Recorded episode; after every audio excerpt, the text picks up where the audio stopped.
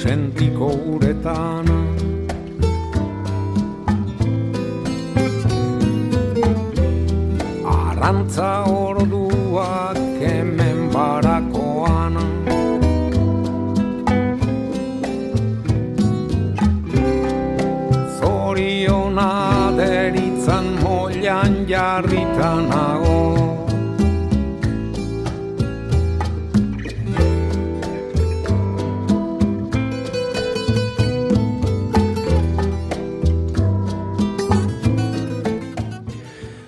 zorioneko moiari abesten dio Ruper Ordorikak kantu honetan, naiz eta kuban kokatu eta hango giro musikal eta estetikura garamatzan moiak izaten dira, zorioneko, akaso zoritxarreko ere bai, eta moiek ematen dute, gauza askotarako, kuban, Finlandian edota Euskal Herrian edo zein txokotan moiek badituzte ziurrenik euren artean berdintzen dituzten hainbat ezaugarri eta bestetik oso berezi egiten dituzten beste bat ezaugarri. Zoriona deritzan moian jarritana Azken bi mendeetan Euskal Portuek izan duten eginkizun garrantzitsua biltzen du moiak tradizioz berritzaileak erakusketak, batetik etengabeko berrikuntza ekonomiko, sozial eta teknologikorako guneak eh, izan dira. Eta bestetik Euskal Herriaren bilakaera historikoan eragin zuzena izan duten eremuak berrikuntza alda gure tradizioa, galdera hau airean uzten du Euskal Itxas Museoak egunotan estrenatu duen erakusketa berriak, moiak, tradizioz berritzaileak, baina guk galdera hau eta beste inbate erantzuteko asmoz e, Euskal Itxas Museoko zuzendaria, Xabir Alberdi, gonbidatu dugu berriro, bigarren kafera eta konturatu ere konturatu gara urte bete pasadela dagoeneko, azkeneko gurean izan zenetik, e, Xabir Arratxaldean eta ongitorri. Arratxaldean eskarrik asko. Urte beti garo da, hain zuzen ere, azken erakusketak iraunduelako urte bete, eta erakusketa eta nolabait esatearen, esatearen, bueno, aro berri baten atarian zaudetelako, eta erakusketa berria dakarrelako itxas museoak. Bai, urtia pasa, eta lehen izan dago erakusketa, hain zuzen tromelingo uarteko erakusketa, ba, bueno, ba, bukatu da, eta junda etorretako lekura, e, zeatik ekarri bai gendunua e, frantzitik, eta, bueno, itzuli da bere zorlekura ez, eta, bueno, guenarren ordez, ba, guk gionek ekoiztutako erakusketa bat, e, jartzeko asmoa deu, eta hain zuzen ba bixe, e, mollak mm -hmm. izenegua. Bai.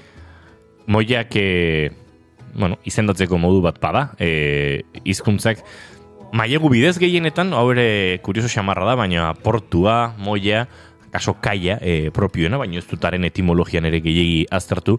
E, bueno, izendapen ezberdinak, e, azken finean, bueno, garai bateko migrazio, mugimendu, garapen ekonomiko eta soziala aztertzeko akaso erraminta antropologiko eh, interesgarrienetakoa diren eh, hoien inguruan ez Xavier, eh, moia eh, gaur egun norbait begira dezake, antxe laupabos barku eh, lotzeko gune bezala, baina oraindik ere eta bereziki pixka bat atzera egiten badugu eh, guri historia ulertzeko bere biziko garrantzi izan duten espazioak dira ez.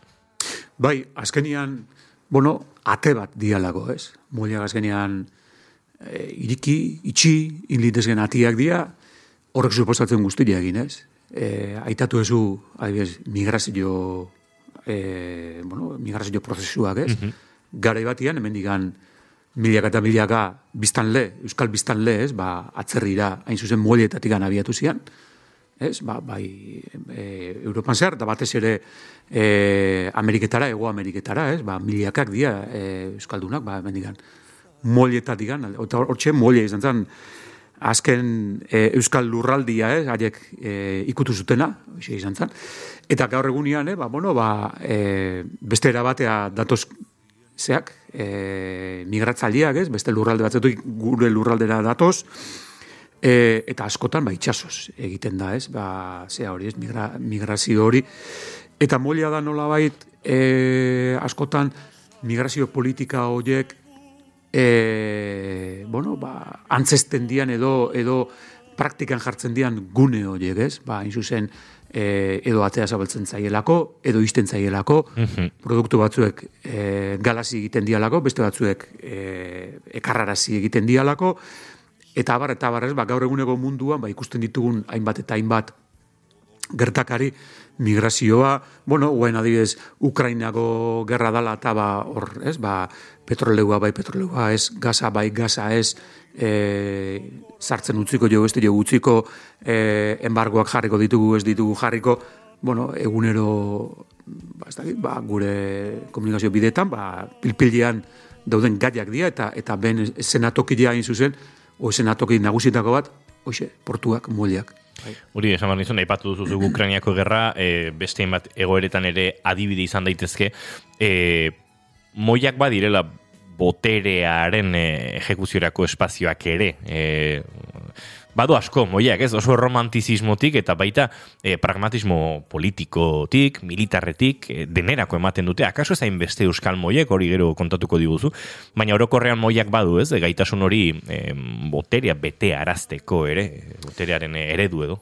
Bai, azkenean moia hain zuzen botereak e, bere ekimenean jartzen du muga bat da, mm onera arte iristen da boterea, ez, ba, azkenean, e, lurralde baten e, amaierako botere batek agintza esartzen duen lurralde baten amaierako ate hori edo muga hori da ez, mulia, eta zuzen hortxe e, garatzen dira, ba, botere horren aduanak, botere horren e, indar, bueno, e, polizial, militar, eta bar, ez, ala da, boterearen e, gune edo, edo adierazpen bat da e, molia, eta beti ala izan da, historian zehar, beti ala izan da, Euskal Historiari dagokionez, ba, jo, mendetan hemen izan zian gatazkak, ez, ba, aduenak kostaldian izan berdute, edo Ebro Ibarrian egon berdute, azkenian foralitatearen inguruko gatazka zorrara zizun arazoa, hoxe izan zan, ez, ba, portutan jarriko ditugu aduanak, edo Ebro Ibarrean egongo dia duenak. Mm Horrek,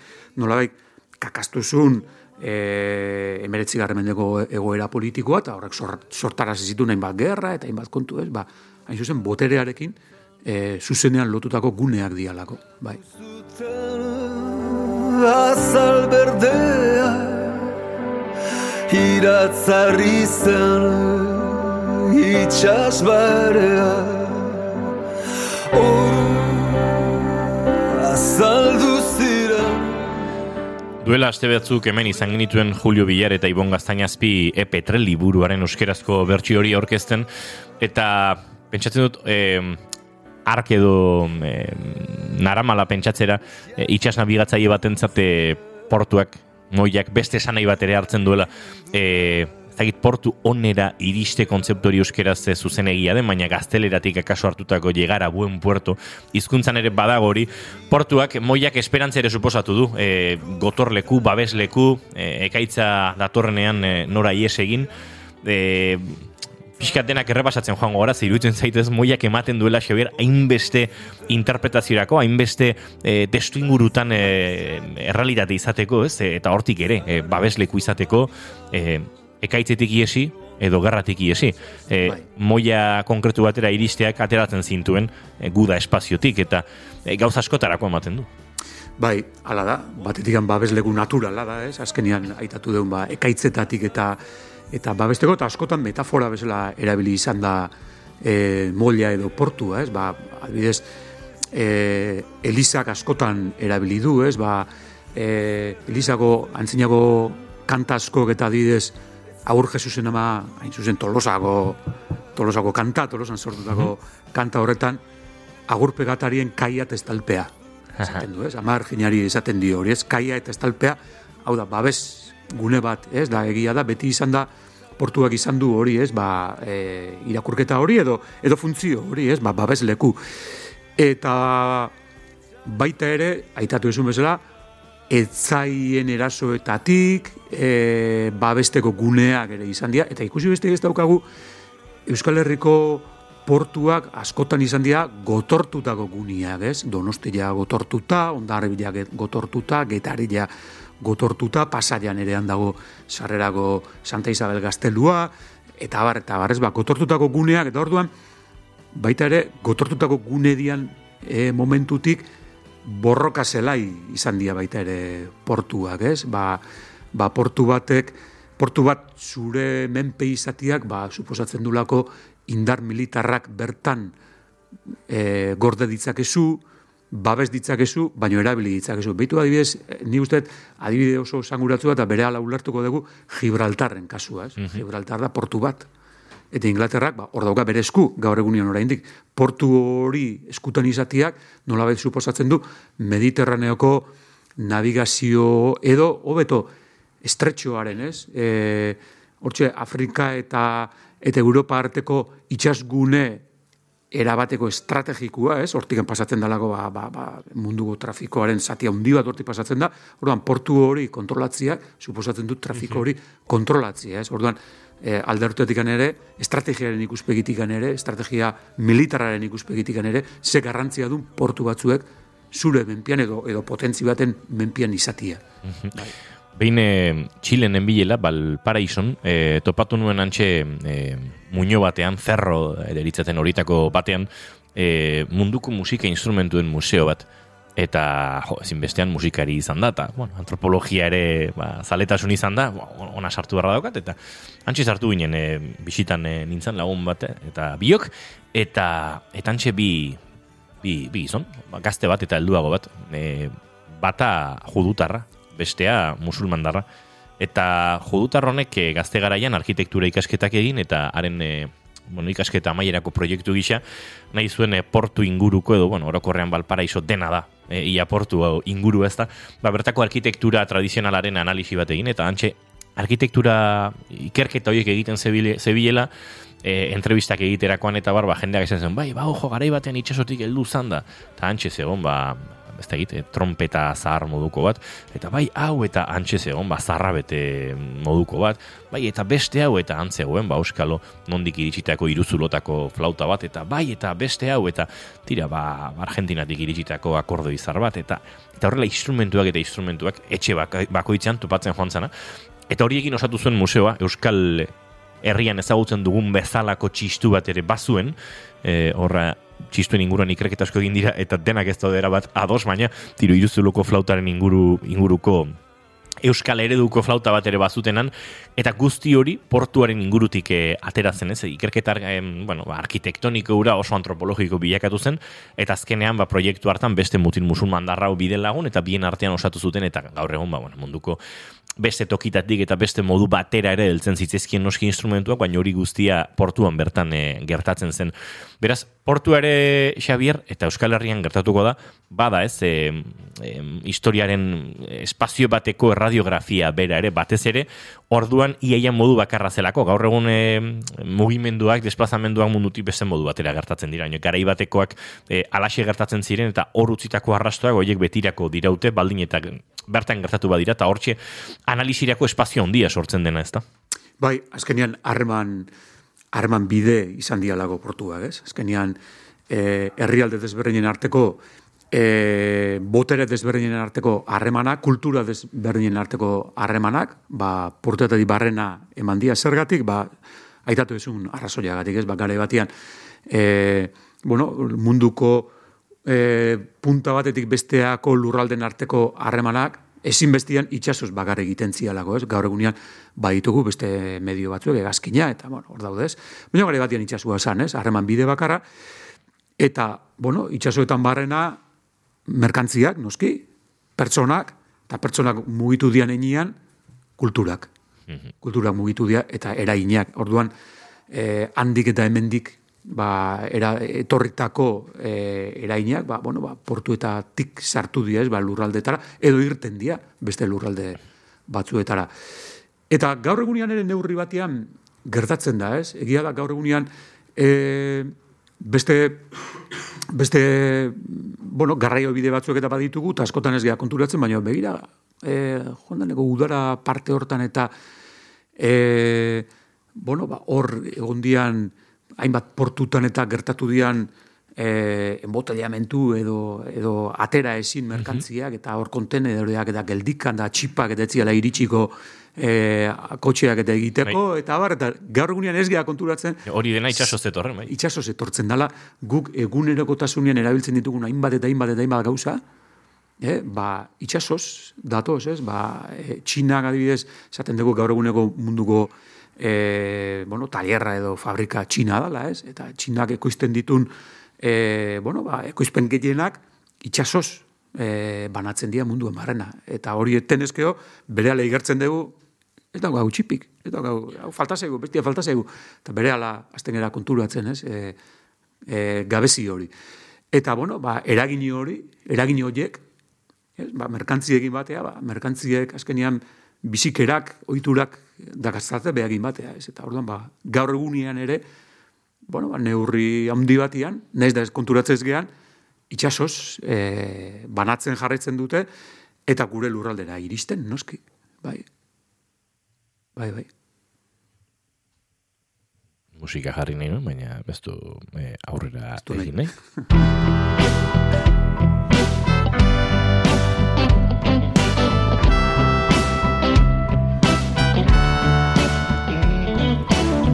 Argiak itzali dira portuaren ondoan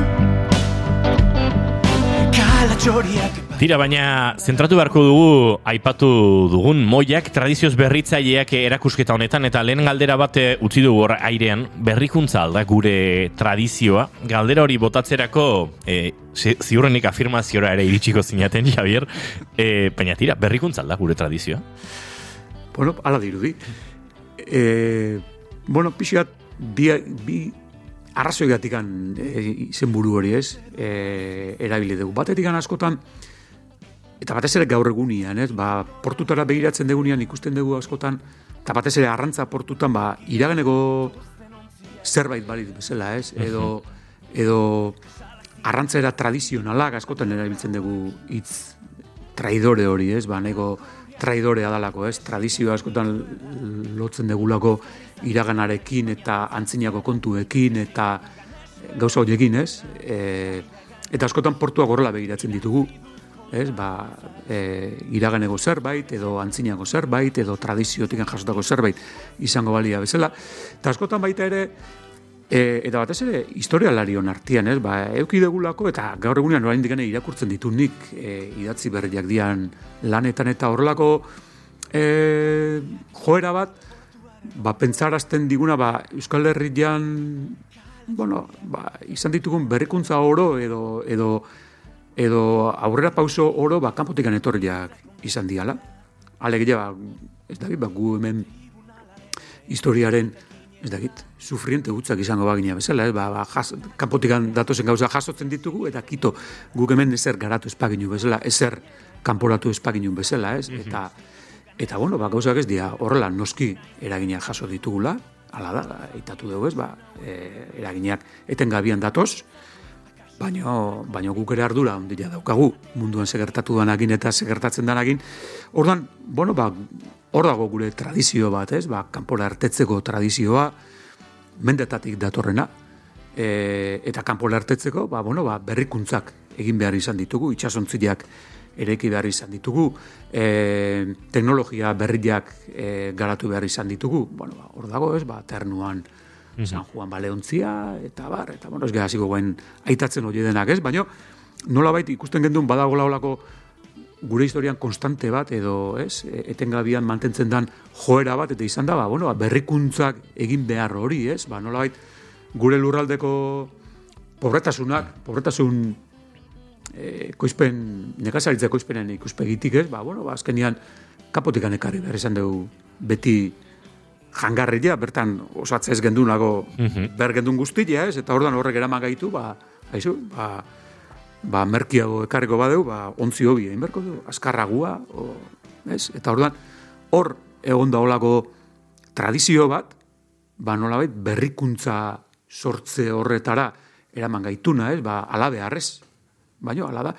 Eta noski horrek ondorioak izan ditu guetzako, esan gure historiarako, eta noski jungean lurraldetan ere, ba, oneago edo txarreago, ba, hor ibiligea, ba, ba, bertako ekoizpenak onez edo txarrez, ba, hartzen eta gurea ekartzen, bai.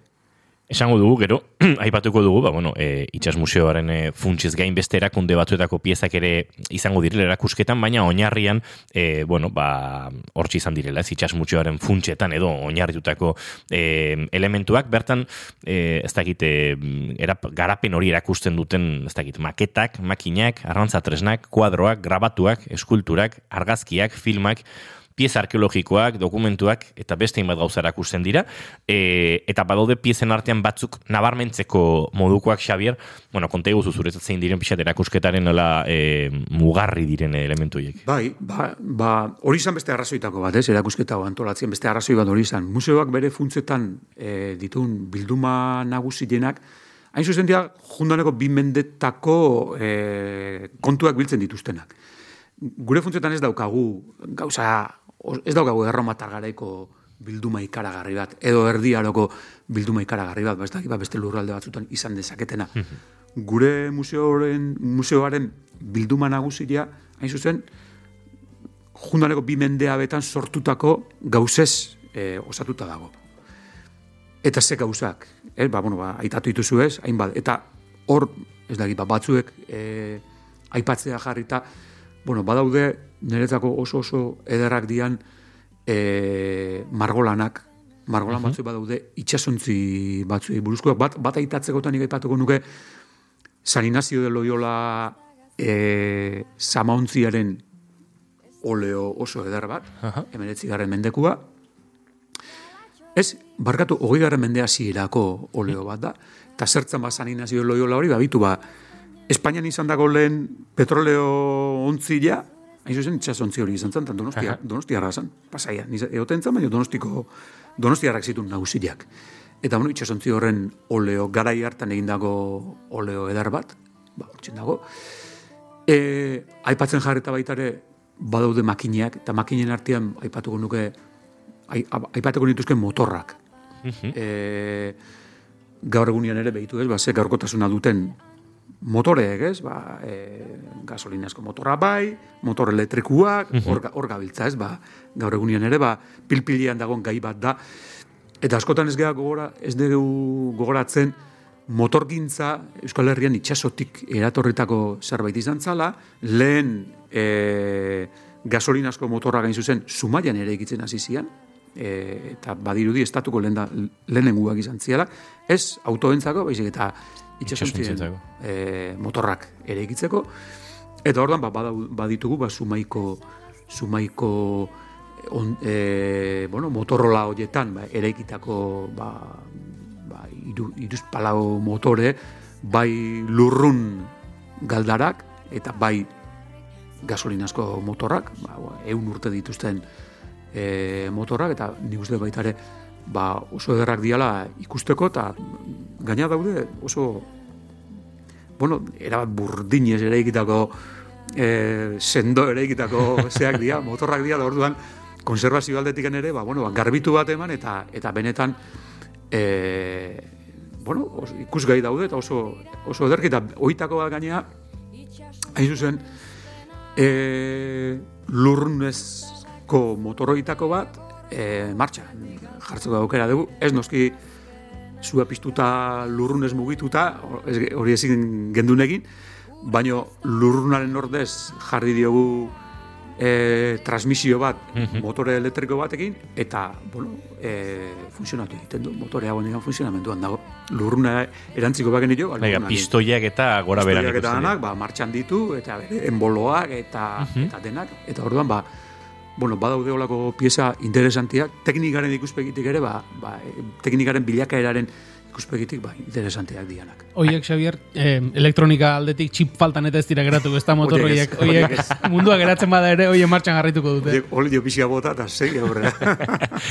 Aizu, akaso narratibarako eta fikziorako joko gehiago ematen duelako? Bueno, beste guztiak ere ematen du, eh? gidegintzarako espazio asko, baina nik hemen ikusi dut badagoela kontrabandoko zilarrezko lingote bat. Bai. Eta horrek, eh, bueno, sortzen du ez bat batean imaginario estetiko oso bat, eh, gure kostetan ere, ba, gertatu zena. Eta horren berri ematen du. Hori da, hor da ez beste, beste jarduera bat, e, portuekin lotutako ez, kontrabandoa. Eta noski, lehen esan dugu, boterea dago momentutik, kontrabandoa sortzen da. Ba, botereak azkenian, ba, ba, zerga horiek erantzitzen ditulako, aduana horiek sortzen ditulako, eta horrek berak ekartzen du askotan, ba, ba, bueno, ba, ba, zergaz kanpo, ba, ba, gauzak egitea, ez? Eta hori da, kontrabandoa hain zuzen, eta hor badago, e, getarian topatutako, bueno, urte gutxi topatutako ziliarrezko lingote bat da, leheno aitatu dugu, ez? Ba, Euskal itxas jarduera horiek, ba, oneago eta txarreago, esan edet zilar hori Ameriketan, ba, badakigu nola ateatako zilarra, bertako, bueno, eskulana egoera jasartu batian erabildi jaz sortutako zilarra, eta zilar hori legez kanpo, zergai gordaindu gabe, badakigu ala dala, ez bai dauka zerga gordaindu ondoren jartzen zitzaion zigilua, ez dauka zigilurik, orduan, bueno, ba, kontrabando zekaretako zilarra, eta hor ere, ba, beste kontu bat esan berdala, Euskal Herria, mutur, mutur, mutur, muturrian,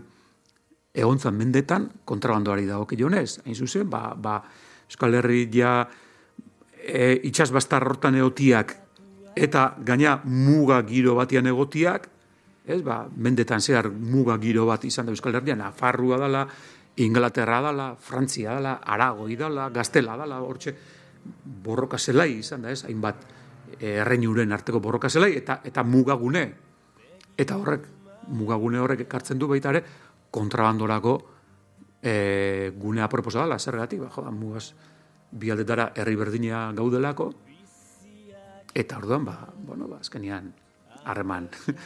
Kulturalak, personalak, familia artekuak, eta bueno, ba, bueno, ba, hortxe, telia, eh, eskalera atzetik, ba, hortxe, ba, zilarra, eta ardoa, eta, eta bar, eta bar, tabakoa, eta, eta dana testana. Ez ba, pasa izan da, eta, eta bueno, ba, hori ere negen du nola bait bildu, eta aukera edara ematen zuen lingote honek, ba, bueno, zilarrezko izateak behar daukan morboarekin, ez, ba, azkenian, Bai, bai, ez da... morboa sortzen du, e, zerbait burreskua edo zilarrezko izateak, morbori sortzen du, eta bueno, ba, egia da, ba, beste pieza ba, garrantzitu bat dala, bai.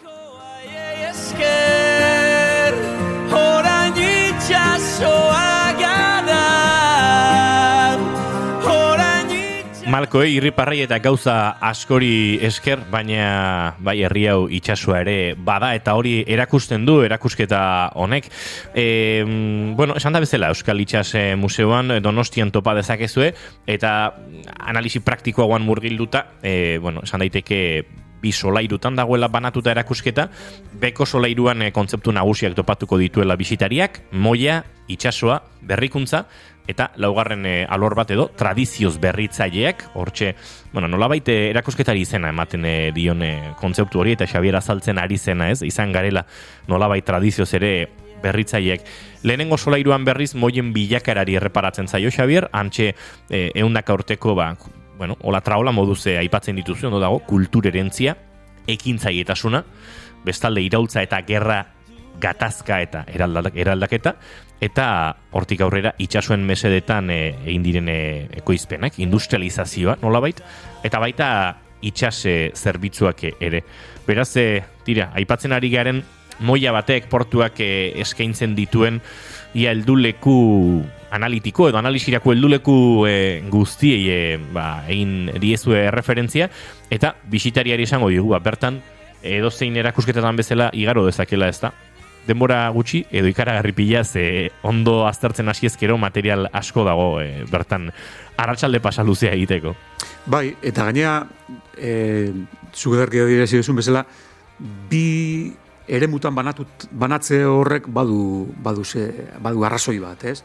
Azkenian, pieza ugariko erakusketa bat izango da. Ez da izango erakusketa bat pieza bakanak ditunak eta eta nolabait e, sakontzen gehala pieza horien esangura esanguratasunean edo edo adierazten dutenean. Ez, e, kontrako bideari ekin diogu, pieza ugari ditu, baino pieza ugari, ugari jartze horrek eta eta arlo desberdin asko ikutze horrek, ez, ba, itatu ditugunak, ez, ba, babesgune, kontrabandogune, merkataritzagune, boteregune, gatazkagune, bueno, azkenean horiek piezen bitartez nolabait ikutu ditugu, baina bai horrek behartzun nolabaiteko e, kontzeptuen adierazpen bat, ez? Aurretikan behartzun bestela izango litzake, ba, gauza oso axalekoa. Eta bai axalekoa da, ez? Esan nahi dut, azkenian, e, bueno, gure museo bat txikitia da, eta, eta ez du aukera ondirik ematen gehiagiza kontzeko, baina bai nahi izan dugu nolabait ikutu, eta nolabait kontzeptu horietatik abiatuta, ba, bertaratzen denak, ba, izan dezala nolabait gogoeta egiteko aukera, ba, ba nahi dun gaiari helduta, harremanari helduta, edo gatazkari helduta, edo merkataritzari helduta, edo kulturari heldute edo nahi danari helduta, bai. Itxasoa gara Tira, eta hau bisitatzeko modu asko daude, norbera bere kabuz joan daiteke erakusketa bisitatzera, eta bertan eh, dagoen material dakit, eh, didaktiko edo erakusketa azaltzen duen materialarekin norberak eh, dastatu, baina bestalde, bueno, ikusi dugu, ez, martxotik eh, aurrera erakusketari lotutako hainbat jarduera eh, antolatu dituzuela, topaketak, eh, bisitak iratuak, emanaldiak, familia tailerrak, eh, den dena museoaren webgunean dago, baina batzu batzuie, bueno, ba, erreferentzia egitearren, hileko azken asteazkenean esaterako, e, ia e, guztietan, e, egingo duzu alako topaketa ontziratu zaitez, e, zuzeo gozara Xabier eta gonbidatu bat, bueno, nola baite, bakar gurekin hemen solasean egiten ari zaren hausnarketa hauen girotik, ez? E, han ikusgai dagoen horri testu ingurua ematearren edo, ez? Bai, oso interesantea irutzeu eta aurreko erakusketetan eh, abilan jarri dugun esperientzi bat da hori, ez? Eh, bueno, islari bat ekarri berrian, berak, bueno, ba, bere gaia besteik gabe jorratuko duna, eta, eta entzulegoak entzun, eta bukaeran galderak egin. Horrela planteatu berrian, iruditu zitzaigun oso aberazgarria dela, nola baiteko, e, bueno, elkarrizketa bat, sortziak, gai baten inguruko elkarrizketa bat, noski adituak e, landuko dun gai horren inguruan, eta elkarrizketa sortze horrek nolabait pistarazten du entzulegoaren artean ere, ba, parte hartzeko e, gogoa, naia e, eta eta atrebentzia, ze askotan atrebentzi faltagatik ba gehatzen gehalako, ba jo, ba, nik esango nuke hau bestia o gogo eta hau bestia. Eta azkenian gai hau guztiak e, zer esana sortzen dutelako denongan. Ez? Ba, denok dugu azkenian lotura bat e, gai hauekin, gai universalak dia, ez? E, eta orduan, e, nik uste oso aberaz, aberazgarria gertatzen dela, etortzen dianak, olako topaketetara etortzen dianak, ben esperientziak, gogoetak, oroimenak, oroitzapenak, e, bueno, adirazi ditzatela, eta, eta nolabait hor, ba, sortu ditezela, ba, elkarrizketak giro horiek, eta nahi izan ezgo baita ere, ba, ez da bai da, ez da bai da giro hori ere, bai ez. Eta aurrekoetan, ba, dioz, tromelinen, jundan urtian eukidegun erakusketa horren inguruan, ba, bueno, ba, ba, esperientzia oso interesanteak sortu zian, ez, ba, ba, bueno, ba, ba, e, esklabutzaren inguruan, e, itxas trafikoaren inguruan, eta bar, eta bueno, apiskat, hildorreri jarraiki, ba, bueno, ba, portuak ardatz bezala hartuta, ba, gai universaloiek garatzen jarraitu nahi dugu, ba, e, datozenekin. Itxas museoko erakusketaz gain, itxas museoak eh, han aztertzen dituen espazioiek, moiak berak ere bisitatuko dituzue tarteka, Bai. eh, moietako bazterretan eh, zehar da eh, esperientzietako bat, bestean moiaz moia, bueno, pixkat eh, erakusketatik atera eta eh, bai, eh, lekuan bertan, ez, eh, jendearekin alako analisiak egite aldera, eta bestalde, eh, hemen ikusi dugu, ez, iaetan bain ere gordailua itxastarra, bueno, eh, nolabaite lehen aipatu dugun, erakusketa hau osatzen duten beste bate erakunden artean badagoelako gordailua, akuariuma, euskal e, filmategia, ziz eta eta huaskore esea, baina e, gordailuak berak ere baduelako, ez, gure kulturaren, e, bueno, ba, e, zera, gordetzen lanaren e, pixet, gotorleku izakera hori, eta bertara jotzea ere badelako, ez, e, pixkate gure historiari ezagutzeko aukera bat, ez? Bai, eta gaina, esan dezu bezala ez, ba, loja hundi hori ez, ez, molia, euskal moliako loja hundi hori, hain zuzen gordailu hori ez, hor, e, e, kultura materiala nahi bali badezu, jasotzen duen e, gune hori, ba, bueno, ba, nolabait, badu lotura, ez, ba, moliaren funtzio, arre, funtzio horrekin, badu lotura, eta gero, gordatzen ditunan artian, ba, hainbat eta hainbat e, bilduma daude, museoarenak eta museoarenak ez dianak, aitatu dituzu, ez? beste erakunde batzue, eta hor daude hainbat e, bueno, ba, gai bat, batetik arkeologiak beak e, bueno, ba, sortu ditunak edo aurkitu ditunak, baina baita ere bai daude beste bilduma, beste erakunde batzuen bildumak, ba, itxasoarekin lotura zuzena dutenak. E, itxasotik eratorritako gaiak dialako, edo itxasoak sortarazi ditun gaiak dialako, eta orduan, bueno, ba, dena noski ez dugu ekarri erakusketa honetara, ekarri dugu e, gordailuan dauden gauzen ordezkari batzuk bakarrik ekarri ditugu, eta hor aukera, nahi ginun aukera bat nolabait zabaldu baita ere jendeari, ba, bueno, ba, gordailura sartu eta gordailuan beste, gordailuan dauden, e, bueno, ba, beste bueno, eduki e, bai, bertan dauden bilduma horietako, bueno, ba, gauzak ikustarazi eta et, erakustarazi eta eta ulertarazi, bai. Odeiak askartu azerua Ba, uste dut nahiko sakon aztertu dugula moiak tradizioz berritzaileak e, erakusketa honen muina, baina muina behar bezala ezagutzeko onena Euskal Itxas museora jo, eta bertan, izan e, zuen kabuz edo izan aipatu ditugun e, bestelako, bueno, bisita dinamizatu hauen bitartez, ba, gure herriaren historia, nortasuna eta aipatu bezala, moiek dituzten adaska hoiek e, guztiak e, ezagutzeko aukera izango duzue. Ba, Xabir Alberdi, e, Euskal Itxas Museoko zuzendariari, eskerrak berriro. E, eskerrak. Ez da git, ez da dira beste urte bete pasa, horrengo erakusketara bitarte guri bisita egin, eta eta zurekin solasan aritzeko plazerra, plazerra baita. Eskerrik asko, Xabier. Mil esker zuei, izan ondo. Odeiak askartu azerua Lauzaumelak batu asle hortzen Eguzki begia da zerua. Eta badak elkar ondortzen